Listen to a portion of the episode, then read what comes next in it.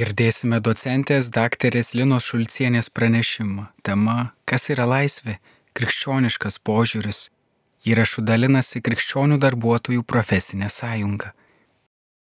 Garbė Jėzui Kristui. Kas yra laisvė? Dėl šios savokos turinio nesutariama. Neretai e, laisvė tapatinama su galimybė daryti, ką noriu. Kai niekas nemato, darau, ką noriu. Kai noriu ir darau. Valgau šokoladą, naršau internete iki paryčių, mėgau iki pietų, supykstu ir išreiškiu savo nuotaiką, kad kitas su kaupu pajustų, kaip mane įskaudino. Tokia laisvė yra savo instinktyvių troškimų ir polinkių tenkinimas. Ar ją iš tiesų galima vadinti laisvę? Vargu. Tai panašiau vergystė. Kodėl? Todėl, kad čia nedalyvauja protingas sprendimas. Laisvė, suprantame, labiau turėtų sėtis ne su instinktyviais norais, polinkiais, bet su norais, kurie valdomi proto. Daugiau laisvės yra tokiame veiksme, kur žmogus iškelia savo protingą tikslą ir paskui pajungia savo veiksmus šiam tikslui pasiekti. Pavyzdžiui, kai jis nori išmokti prancūzų kalbą, mokosi žodžius, gramatiką, lanko pamokas, jis, pavyzdžiui, tramdo savo norą žiūrėti filmą, susitikti su draugais, kad išmoktų prancūziškai. Bet ar tramdydamas save jis mažiau laisvas? Ne, jis daugiau laisvas.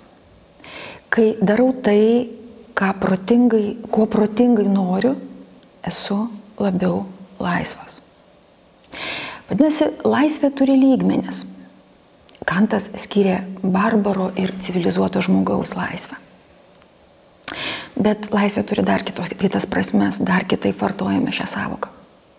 Pavyzdžiui, laisvė savoka kartais suprantama taip, laisvė yra kliūčių nebuvimas. Kai niekas netramdo mano veikimo, mano pasirinkimo, tai vadinamoji negatyvioji laisvės samprata. Ir tos kliūtis gali būti dviejopos. Kliūtis gali būti fizinės, materialinės ir gali būti, pavadinkim, kaip Schopenhaueris jas išskyrė, intelektualinės kliūtis. Aptarkime abu variantus. Kai kliūtis fizinės, materialinės, mes kalbame apie fizinę nelaisvę. E, buvimą kalėjime, buvimą supančiotų mm, arba dėl fizinės negalios, paralyžius pavyzdžiui. Tai gali būti buvimas supančiotų dėl vargo, dėl skurdo, dėl karo, dėl okupacijos, kai aš negaliu pasiekti savo siekiamų, savo tikslų, fizinių tikslų, materialinių tikslų. Tai yra vadinamoji fizinė nelaisvė. Ir fizinė laisvė yra tada, kai tų kliūčių nėra. E, ta materialinė laisvė, pavyzdžiui, ekonominė laisvė, kai aš gal, turėjau praturtėjęs, turiu daugiau galimybių į, įsigyti vieną arba kitą daiktą. Tuomet tarsi mano laisvės laukas išsiplečia. Tačiau plečiant materialinės, ekonominės, fizinės ribas, ar aš tampu labiau laisvas, laisvas iš tikrųjų. Na, pavyzdžiui, juk ekonominė laisvė gali puikiai dėrėti su politinė nelaisvė. Pavyzdžiui, Kinijoje. Ekonominė laisvė čia egzistuoja greta politinės žodžio laisvės nebuvimo. Ir galiu turėdamas vieną laisvę, galiu neturėti kitos. Ir tiesą sakant, fizinė materialiai prasme visiškai laisvių niekada nebūsiu. Gali tos laisvės būti daugiau arba mažiau, vis dėlto argi fizinė, materialinė laisvė sudaro laisvės esmę. Minėjau, kad negatyvioji laisvės samprata turi ir kitą reikšmę - intelektualinių kliūčių nebuvimą. Kada aš esu laisvas nuo man primestų vertinimų, sprendimų, vertybinių pasirinkimų. Šita negatyvioji laisvės samprata, ji e, gimdo tokį mąstymą. Niekas negali man nustatyti, mane priversti manyti, kas yra gera ir kas yra bloga. kuo aš turėčiau tikėti, kuo aš turėčiau netikėti. Aš pats esu laisvas nuspręsti visus šiuos dalykus ir jokia valdžia, jokia institucija, jokia religija negali būti galutinių mano sprendimų šaltinis, mano gyvenimo būdo, mano pasaulyje žiūros, mano vertybinės orientacijos pasirinkimo šaltinis. Tik pats individas gali atsakyti į klausimus, kaip jam gyventi, ko jam siekti, ko jam norėti. Ir jokia socialinė, kultūrinė, valstybinė, politinė sistema neturi siūlyti atsakymų į šiuos klausimus.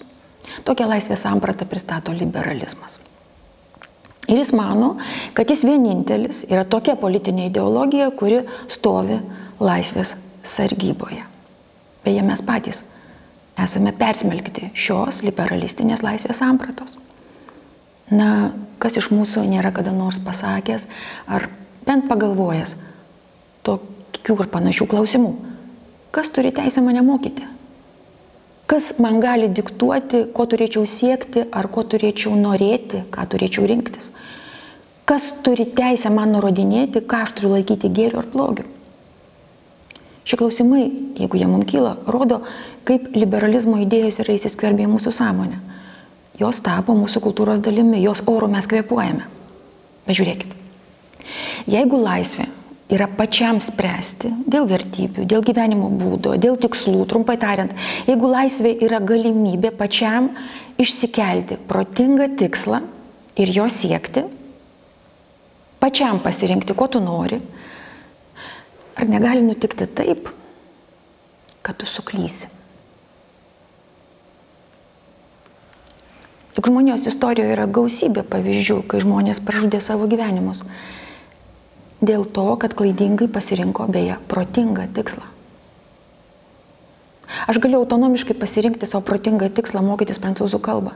Ir tai rodos gražus ir teisingas tikslas. Bet jeigu aš jį renkuosi karo sąlygomis, kuomet mano tauta yra mobilizuojama ir reikia ginti savo tėvynės laisvę, ar jis teisingas tikslas? Apriboti žmogų vien tik jo paties autonomiškų, autarkinių suvokimų ir uždaryti jį paties savo suvokimo sprendimų laukia yra gana rizikingas uždavinys. Žmogus gali suklysti. Galų gale mes žinome tokius graudžius klaidingo pasirinkimo pavyzdžius, kaip klaidingos ideologijos - nacizmo ar komunizmo. Ir rodos pakankamai protingai ir argumentuotai pasirinkdamas žmogus labai skaudžiai suklydo ir sugriovė vienintelį savo ir ne tik savo gyvenimą. Ar viskas tvarkoje, jeigu sprendimo galę atiduodi pačiam autonomiškam žmogui? Toks mano klausimas liberaliau mąstančiam gali sukelti įtarimą. Kad atstovauju liberalizmui paprastai priešinamą poziciją, pagal kurią žmogaus sprendimas turi būti atiduotas į socialinės struktūros rankas. Kai būtent socialinė struktūra, socialinis visetas yra galutinis individuo gyvenimo principų šaltinis. Visuomenė, polisas, valstybė ir panašiai. Ne jis pats, o socialinis visetas. Tikrai taip nėra. Neatstovauju tokios pozicijos. Atstovauju krikščioniško mąstymo tradiciją, kurioje laisvė yra kažkas kita, negu tai, apie ką iki šiol kalbėjome. Krikščioniškos minties istorija turi ko mus pamokyti. Pravartu būtų į krikščioniškos laisvės sampratą pažvelgti istoriniu aspektu. Pirmiausia, todėl, kad krikščioniško mąstymo tradicija yra statybinio pobūdžio. Vėlesni mąstytojai stato ant savo pirmtakų padėtų pamatų. Ir antra, istoriškai judėdami kartu galime mokytis ir gilinti laisvės liepinio pažinimą. Nes laisvė tikrai slėpinys. Gal tai nėra slėpinys politinių ar socialinių aspektų, kai kalbame apie žodžio, sąžinės arba ekonominę laisvę, bet laisvė yra slėpinys metafizinėme kontekste. Tai yra, kai mėginame suvokti jos esmingą sąsąją su mumis pačiais, su mūsų esme. Kai suprantame, kad laisvė nėra kokia nors viena mūsų savybė, bet kad ji yra mūsų būties esmė, mūsų būties pamatas, kai suprantame, kad būti žmogumi iš esmės reiškia būti laisvu. Krikščionybė atsiranda graikų mąstymo tradicijos prisotrintame geografinėme areale ir krikščionys neišvengiamai perima iš graikų ir senovės graikų tai, kas neprieštarauja prieškimui. Pirmiausia, čia dėlėtų kalbėti apie Aristotelį ir stoikus, nes kalbant apie laisvę, būtent jie yra tokios pagrindinės figūros, kurios mus šio to išmokė. Laisvę Aristotelis traktuoja kaip gyvos būtybės savaimingumą, kaip buvimą savo paties veikimo priežastimi. Būti laisvu reiškia būti, latiniškai skamba, kauza sui, kauza sui. Būti savo paties priežastimi, veikimo, sprendimo, judėjimo, apskritai viso, visokio veikimo priežastimi. Šiuo požiūriu laisvas yra ir žmogus, ir gyvūnas. Aristoteliui ir žmogus, ir gyvūnas. Nes ir žmogus, ir gyvūnas veikia pagal tam tikrą sprendimą. Pirmiausia sprendimas, o paskui veikimas. Bet gyvūnui sprendimas kyla iš prigimtinio instinkto, o žmogaus sprendimas kyla iš jo svarstymo. Iš jo autonomiškai protų priimto sprendimo. Jis turi alternatyvės galimybės ir tada nusprendžia. Taigi ir žmogus, ir gyvūnas, Aristotelis yra kauza sui, bet sprendimas, kuris būdingas gyvūnui, yra instinktyvus, o sprendimas, kuris būdingas žmogui, yra apsvarstytas. Jis laisvas nuo būtinumo. Gyvūno sprendimas nėra laisvas nuo būtinumo. Bent dalis žmogaus sprendimų yra tokie. Nes bent dalis žmogaus sprendimų tikrai kyla ne iš instinkto, o instinkto, o iš protingo svarstymo. Svarstydamas žmogus atmeta vienus dalykus, o pasirenka kitus. Galbūt čia girdisi koks liberalistinis motyvas. Dėlėtų neapsigauti, nors skamba labai panašiai, nes Aristotelis tikrai neskelbė kitos liberalistinės tezės, kad individas yra vienintelis politinis subjektas. Aristoteliui visuomenė, polisas, valstybė yra ne tik sargas, kuris padeda moderuoti galimus individų konfliktus, kurie kyla dėl neišvengiamų kiekvieno iš jų laisvės pretenzijų. Ir visuomenė, valstybė, polisas nėra tik individų suma. Bet panašumo iš tikrųjų yra. Tarp aristotelinės laisvės samprotas, tarp kauzas su idėjos ir liberalistinės idėjos. Beje, Panašumų yra ir su krikščionišku mąstymu. Netrukus pamatysim. Aristotelis ir vėliau stoikai mums paliko laisvės kaip buvimo savo paties priežastimi idėją. Žmoguje yra logos, sako stoikai. Priežastingumo principas. Ir dėl to žmogaus negalima ištirpdinti negyvosios ir gyvosios gamtos priežasčių pasiekmių grandinėse, kur viską valdo fundamentalus determinizmo dėsnis. Ne viskas, ką daro žmogus, yra motivuota, ne viskas, ką daro žmogus, yra apspręsta išorinių veiksnių, ne viskas, ką daro žmogus, yra apspręsta vidinių instinktyvių polinkių. Žmogus gali būti pirminis veiksnys, kuris gimdo priežasčių pasiekmių grandinėlę. Be jokio už jo ar jo vidinėje prigimtyje, instinktyvioje prigimtyje esančio pirminio motyvo, be jokios išorinės arba vidinės instinktyvios jame esančios priežasties. Jis pats gali būti priežastimi. Gili senovės graikų išplėtota idėja būti savo paties veikimo priežastimi. Ir krikščionys ją perėmė. Bet aišku, kad ne jie yra pagrindinis krikščioniškosios laisvės sampratos šaltinis. Apreiškimas, šventasis raštas yra pagrindinis krikščionių mąstymo šaltinis. Ir pradėkime nuo to, kad čia yra toks įdomus dalykas, jog įdomu tai, kad interpretuodami pradžios knygos pirmą skyrių, čia esančią žmogaus kaip Dievo paveikslo imago dėjai idėją, Perskaitysiu tą ištarmę. Tuomet Dievas tarė, padarykime žmogų pagal mūsų paveikslą ir panašumą. Dievas sukūrė žmogų pagal savo paveikslą, pagal savo paveikslą sukūrė jį, vyrą ir moterį sukūrė juos. Pirmieji krikščionys, būtent ankstyvieji aleksandriečiai, klausdami, ką reiškia būti Dievo paveikslu, o čia yra Aleksandrijos katechetinės mokyklos mokytojai, švento rašto egzegetai, jie teigia, kad būtent dėl laisvės galios žmogus panašus į Dievą. Būtent laisvė daro žmogų panašų į jį. Kurti žmogų pagal savo paveikslą reiškia kurti žmogų laisvą. Ar daug krikščionių mąstė taip kaip aleksandriečiai? Ne. Ilgus šimtmečius e, krikščioniškos minties istorijoje kalbėjimas apie žmogų kaip būtybę panašią į Dievą dėl laisvės yra retas paukštis, bet situacija pasikeičia XIX amžiaus pabaigoje, XX amžiaus pradžioje kada kyla krikščioniškojo personalizmo banga. Jos problematika, popiežius Jonas Paulius II, tada dar Karolis Vojtyla, e, pavadina pamatinę kiekvienam žmogui. Šiandien krikščioniškojo personalizmo, šiandien krikščioniškai personalizmą galime laikyti viena iš dominuojančių krikščioniško mąstymo srovių. Taigi personalizmas žmogaus panašumą į Dievą sieja su laisvė laisvė yra esminga žmogaus gale. Ir esminga žmogaus gale dviejopai. Pirma, būtent laisvę krikščioniškas personalizmas laiko pagrindinę sąlygą, kad žmogus būtų Dievo tu. Nes Dievo tu gali būti tik laisva būtybė. Be laisvės nebūtų jokio tikro žmogaus atsako į Dievo meilę. Ir antra, dėl laisvės žmogus gali dalyvauti Dievo kūrybos darbe, jo kūrybos galioje, tęsti jo kūrybos darbą. Kaip Dievas kuria, taip ir žmogus kuria. Kurti gali tik laisva būtybė.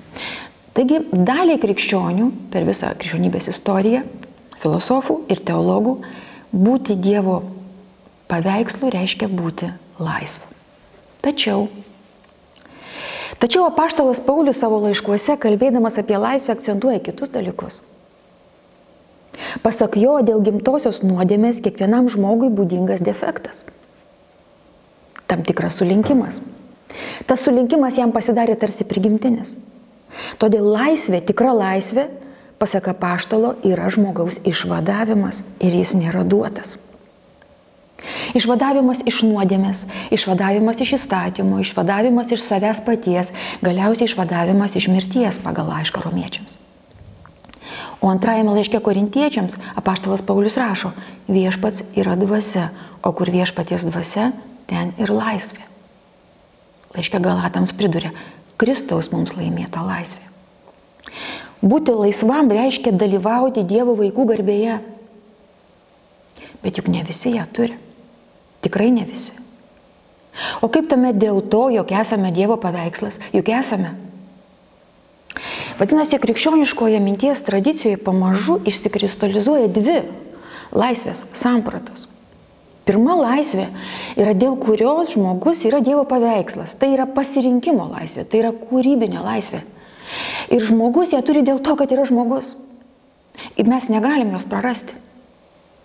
Ir antra laisvė - kaip dalyvavimas Dievo vaikų garbėje.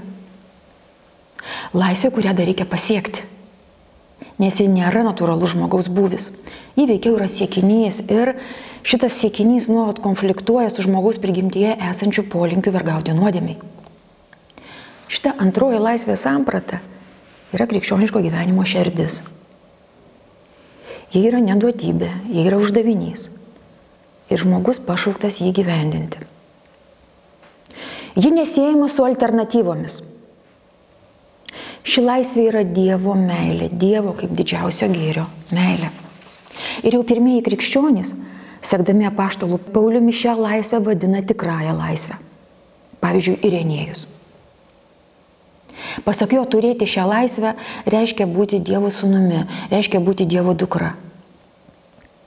Ši laisvė, pasak jo, yra ne apie žemiškų dalykų pasirinkimą ir ne apie pasirinkimą, ką galvoti, kokias vertybės turėti, ne. Ši laisvė yra apie giluminį apsisprendimą, giluminį apsisprendimą už Dievą. O tai yra visai kas kita. Tai gerokai gilesnis ligmuo. Origenas tęsia apaštalo Paulius ir Irenėjaus mintį. Tikroji laisvė yra ištikimybė Dievui, jo meilė, meilė artimui. Šią laisvę riboja kūno ir nuodėmės pančiai. Originas rašo, būti panašiam į Dievą reiškia turėti jo vaikų šventumą. Tačiau kaip tuomet su tai žmonėmis, kurie tokio šventumo neturi? Ar jie nėra Dievo paveikslas? Jie yra Dievo paveikslas. Jie nėra Dievo panašumas. Origeno mintį tęsė vienas žymiausių Kapadogijos tėvų, Grigalius Nesėtis. Pasak jo, žmogui būdinga pasirinkimo laisvė, prohairesis, jis sako graikų kalba. Tačiau ne dėl jos jis yra Dievo panašumas ir ne ji yra aukščiausia laisvės forma. Žmogus yra iš tiesų laisvas, kai turi ramę ir tyrą sąžinę, kai yra laisvas nuo įdos ir nuodėmės, kai geba pažinti tiesą ir nepatiria nikimo, kai yra nemirtingas. Tokia laisvė, eleuterėja, graikų kalba, pilniausiai žmogui, žmogui pasiekiama tik po fizinės mirties, sielai atsiskyrus nuo kūno, tačiau tokioje laisvėje žmogus gali ir gyvendamas kūne dalyvauti, jis ją gali turėti, nepilna iš dalies, bet gali joje dalyvauti ir net tuomet ir kūnas tampa dieviškas šviesus ir iš tiesų gražus. Tai buvis, kuriame žmogus nori būti tuo, kuo yra ir yra tuo, kuo nori būti. Žmogaus aš ir Kristus tampa viena. Ši laisvė dar vadinama e, Aleks, Kirilo Aleksandriečio ir Šventoreliaus Augustino laisvė pasirinkti gėrį ir atsisakyti blogio. Dėmesio, nepasirinkti blogio Negali pasirinkti blogio. Jisai duotas. Laisvė atsisakyti blogio. Taigi nuo pirmųjų krikščionybės amžių susiformuoja mokymas apie dvi laisvės rūšis.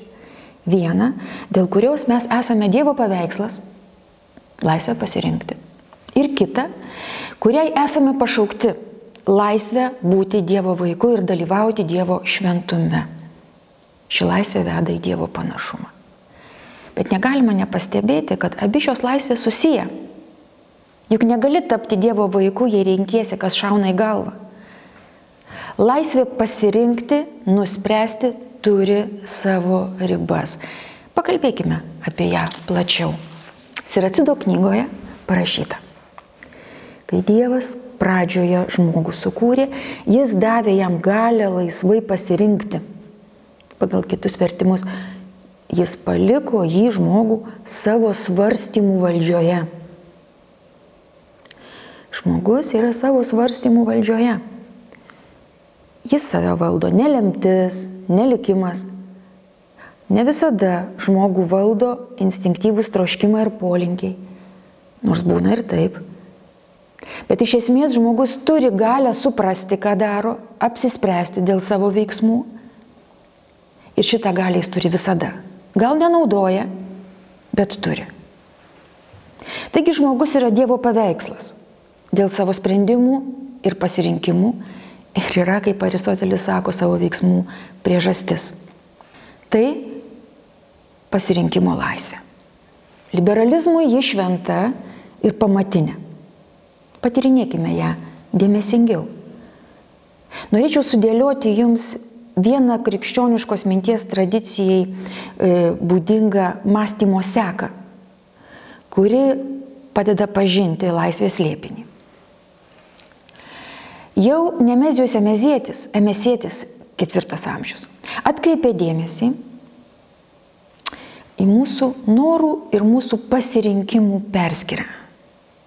Mūsų norai yra viena, o mūsų pasirinkimai yra kita, tai skirtingi dalykai. Mes norime kažko, o renkamės paprastai tai, kas atitinka kokį nors mūsų norą. Pavyzdžiui, noriu valgyti. Ir tada renkuosi, kokie produktai mane pasotintų. Arba noriu nuvažiuoti į Vilnių. Tada renkuosi, kokiu būdu kelionės tikslą pasieksiu. Trumpai tariant, noras iškelia tikslą. Tada aš imu svarstyti, kaip jį pasiekti ir Padarau sprendimą dėl priemonių šiam tikslui pasiekti.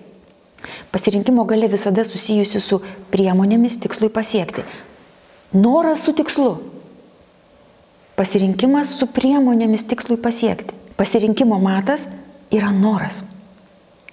Eikime toliau.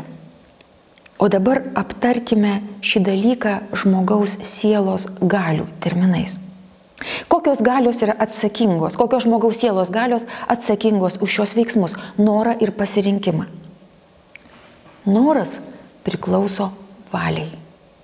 Valia yra norėjimo arba siekimo gale. Nuo Aristotelio laikų ji taip vadinama. O kam priklauso pasirinkimas? Jis svarsto, jis sprendžia, jis įgyvendina sprendimą. Kas tai daro žmoguje? Kokia gale? Šitą klausimą išsamei atsako šventas Tomas Akvinėtis. 13 amžiuje. Laisvas sprendimas, laisvas pasirinkimas yra proto ir valios, abiejų žmogaus sielos galių sąveikos rezultatas. Detaliau švento Tomo atlikto darbo čia nesvarstysim, tai būtų rimtas ir nelengvas uždavinys. Ardum arkanum, lotiniškai tamsioji paslaptis, kaip šią Tomo analizę pavadino kardinolas Kajetanas.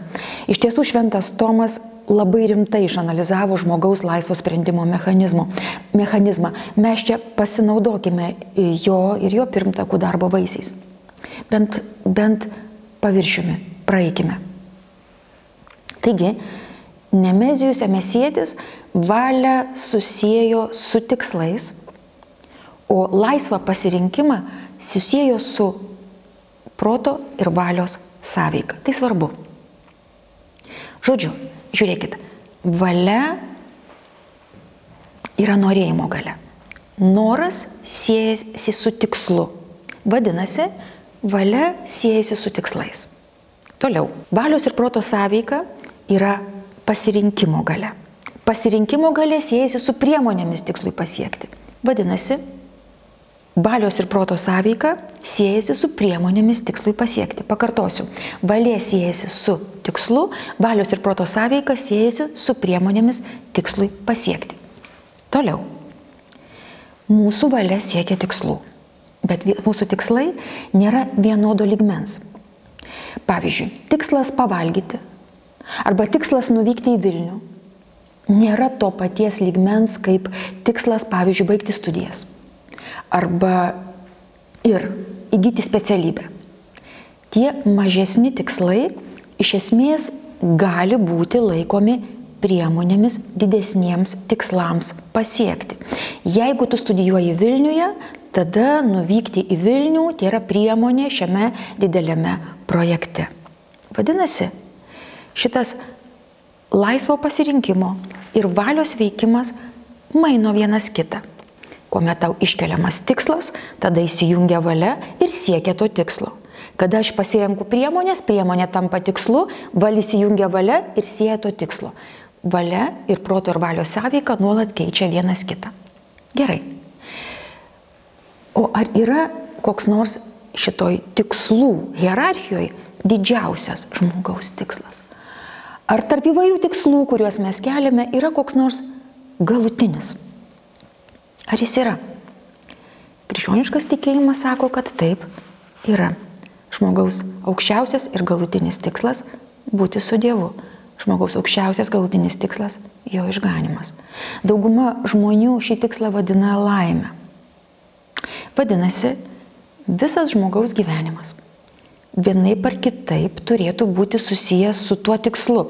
Vadinasi, gyvendamas žmogus turėtų rinktis priemonės šiam tikslui pasiekti. Kas mane ves išganimo arba laimės keliu? Koks gyvenimo būdas? Kokios vertybės? Kokie moraliniai principai? Galutinis tikslas yra ta kelrodė žvaigždė pagal kurią aš vertinu visas galimas alternatyvas, ar jos tinkamos ar ne. Tas galutinis tikslas tarsi reguliatyvas viskam, ką aš renkuosi. Eikim toliau. Vadinasi, mano valia dalyvauja visokių tikslų norėjime. Dalinių, mažulyčių, kaip antai nuvažiuoti į Vilnių ar pavalgyti, didesnių, baigti studijas, sukurti gražią šeimą ir taip pat didžiausio pamatinio tikslo būti išganytų, būti su Dievu. Norėjome. Dabar noriu jūsų paklausti, ar mano valia laisva? Jeigu taip, kuria prasme ji laisva? Ar ji renkasi? Ar jūs renkatės? Noriu būti laimingu. Ne, nenoriu būti laimingas. Ar jūs renkatės, bet noriu studijuoti? Ne, jūs norit studijuoti, jūs norit būti laimingi. Ta laisvė nėra pasirinkimo laisvė, nėra alternatyvų laisvė. Valia tiesiog nori. Pasirinkimo gale renkasi, o valia tiesiog nori. Kokia tai laisvė? Ji yra laisvė pačia silpniausia laisvės forma - laisvė nuo prievartos. Lais, valios niekas neverčia rinktis galutinį tikslą, jos niekas neverčia norėti studijuoti, jos niekas neverčia sukurti šeimą ar pavalgyti, ji tiesiog nori. Valios laisvė nėra pasirinkimo laisvė, tai yra laisvė nuo prievartos būtinumo. Kas valią skatina norėti? Kaip ji ima norėti? Dėl ko? Ją skatina norėti tai, kas prieš ją pastatyta laimė, šeima, specialybė, maistas. Objektas, kuris ją yra vaizduojamas. Kas valiai vaizduoja tą objektą? Daugumoje atveju protas. Sakau, daugumoje atveju. Šitą specifinį klausimą Šventas Tomas Akvinės aptarinėja, kai jis kalba apie galutinį tikslą. Jis sako, kad ne protas, o pats Dievas traukia valią savęs. Bet grįžkime prie mažesnių tikslų negu galutinis. Protas rodo valiai, kad šeima yra gėris ir valia jo siekia. Protas rodo, kad studijos ir specialybė bus gėris ir valia to siekia. Protas yra ekranas, kuris rodo valiai dalykus, kurie jai bus gėris ir jį jų siekia. Bet protas gali rodyti klaidingai. Pavyzdžiui, jis gali jai rodyti, kad turtai ir žmonių garbė bus gėris, kuris atneš laimę. Protas gali rodyti, kad alkoholis ir narkotikai atneš laimę. Protas gali rodyti, kad ukrainiečių žudimas ir jų žemių užgrobimas atneš laimę. Tai proto defektas. Tai panašu į situaciją, kai žmogus nori valgyti, o protas siūlo paskanauti nuodų. Protas gali klaidinti. Jo svarstymuose tenka ieškoti silpnos vietos, dėl kurios žmogus ima įgyvendinti klaidingus sprendimus. Dievas paliko žmogų jo svarstymų valdžioje, sakosi ir atsido knyga. Svarstymas yra jautrus dalykas. Dovana, kurią reikia protingai naudoti. Žmogus svarsto, kokias priemonės galutiniam ir maž, visiems mažesniems tikslams jam pasirinkti. Ir svarbu pasirinkti teisingai. Svarbu pasirinkti tinkamas priemonės.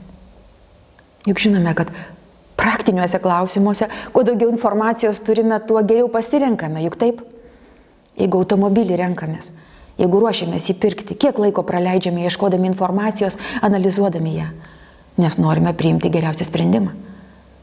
Ir operacijai ruoždamiesi. Chirurgo ieškome su didelė patirtimi, nes jis tikėtina nesuklys operuodamas. Ir su visais būtiniais, žemiškais dalykais taip. O jeigu kalbame apie viso mūsų gyvenimo projektą, ar turime pakankamą kompetenciją? Ar čia pakanka, kai sakoma, iš bendro išsilavinimo? Ar ne infantiliškai tai skamba? Eikim toliau. Ne tik vakarų, bet ir visose kultūrose, ir visose civilizacijose, net gentinėse bendruomenėse matyti gilus rūpestingumas, kai eina kalba apie žmogaus esminius gyvenimo principus, apie vertybės, apie pasaulyje žiūrą, kai eina kalba apie tas priemonės, kurios turėtų padėti pasiekti žmogui galutinį jo tikslą. Jos siejasi su žmogaus charakterio ugdymu, doriniu ugdymu, sužinojimu, kuris statydina žmogų. Nes tik tai padaro žmogų tikrai laisvą Laisva ne daryti, ką noriu. Laisva ne pasirinkti pačiam pagal savo autonomišką supratimą. Ir rizikuojant labai stipriai suklysti. Bet žmogų, kuris geba pasirinkti teisingus tikslus ir teisingas priemonės. Tokį žmogų šventas Anselmas Kentelberėtis vadina žmogumi, kuris geba tarnauti teisingumui. Tai yra pasirinkimai, kurie siejasi su atsakomybė. Už save, už kitą žmogų, už savo tautą, valstybę ir net pasaulį. Tai pasirinkimai, kurie paklūsta moralės dėsniui, kurį kiekvienas žmogus puikiai supranta. Ir tik toks žmogus yra iš tiesų laisvas. Taigi iš esmės laisvė yra pasirinkimas teisingo tikslo ir jo siekimas. Pasirinkimas teisingų priemonių galutiniam tikslui pasiekti ir jų įgyvendinimas. Vadinasi, laisvo pasirinkimo gale reikalinga ūkdymo pažinimo, savęs apribojimo, savęs statydinimo, o tai pastangų ir kovos kelias.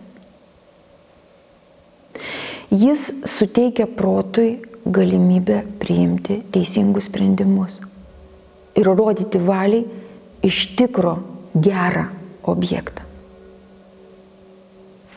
Apibendrinant, Norėčiau pasakyti, kad nors laisvės savoka šiandien vartojama labai vairiai, turint tokią turtingą krikščioniškos minties istoriją, netiktų laisvę tapatinti su darimu, ką noriu.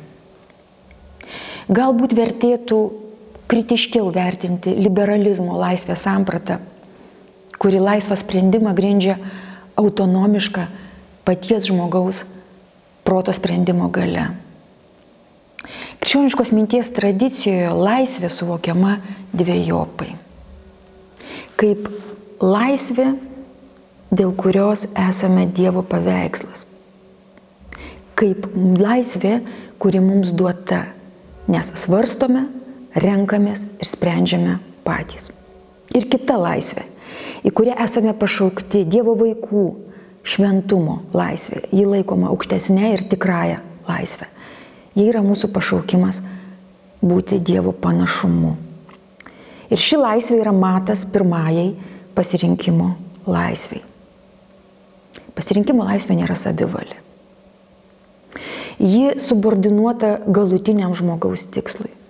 Tačiau kadangi nėra visai aišku, kaip žmogų jį pasiekti, kadangi žmogus tokoja pažinimo, todėl, todėl jam reikalingas lavinimas ir lavinimasis. Ugdymas ir ugdymasis, kurie leidžia žmogui eiti vis didesnio išsilaisvinimo kryptimi.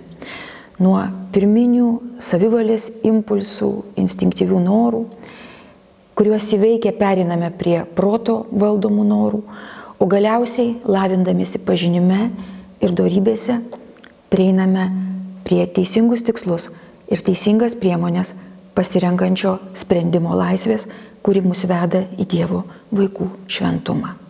Garbėjai Kristui.